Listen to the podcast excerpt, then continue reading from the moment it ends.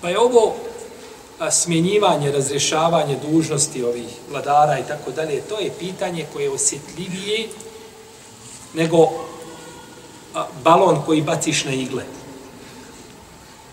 To je pitanje, znači, osjetljivo, jer to uglavnom izaziva samo nered u društvima. I to smo se uvjerili, jel tako, to smo se uvjerili na ovom arapskom proljeću, tako ga nazivaju, a nije proljeće, da je to samo šer i da je zlo. Nažalost, niko nije konsultovao velike učenjake kada je radio ono što je radio. Mase nisu konsultovali učenjake. Nego su izišli onako sami od sebe, na ulice. Pa šta Allah da? Biće bereket. Neće biti nikakav bereket. Tamo gdje ulema ne vodi jedno društvo, ne može biti bereket.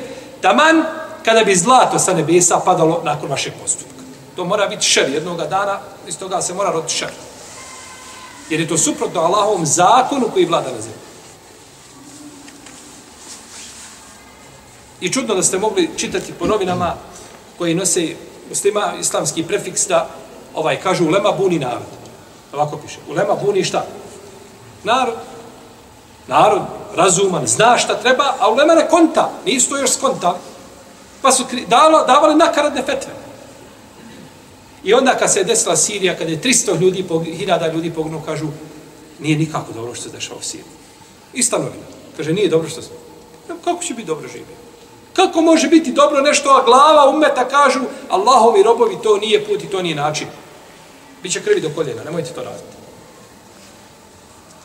Kažu, ne, ne, mora se nešto promijeniti. Pa, muslimani, decenijama tonu, nestaju i onda bi preko noći da iziđu na ulice i da jednim šta?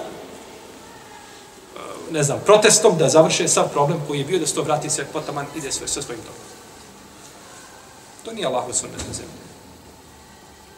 Pa je, zbog toga je Ulema upozoravala, znači, na te izlaske i na, te, na, na, na tu borbu protiv vladara i protiv vlasti i tako dalje.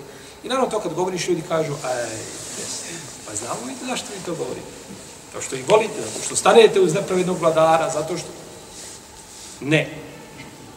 Nego čuvam tvoju krv živio i tvoj život.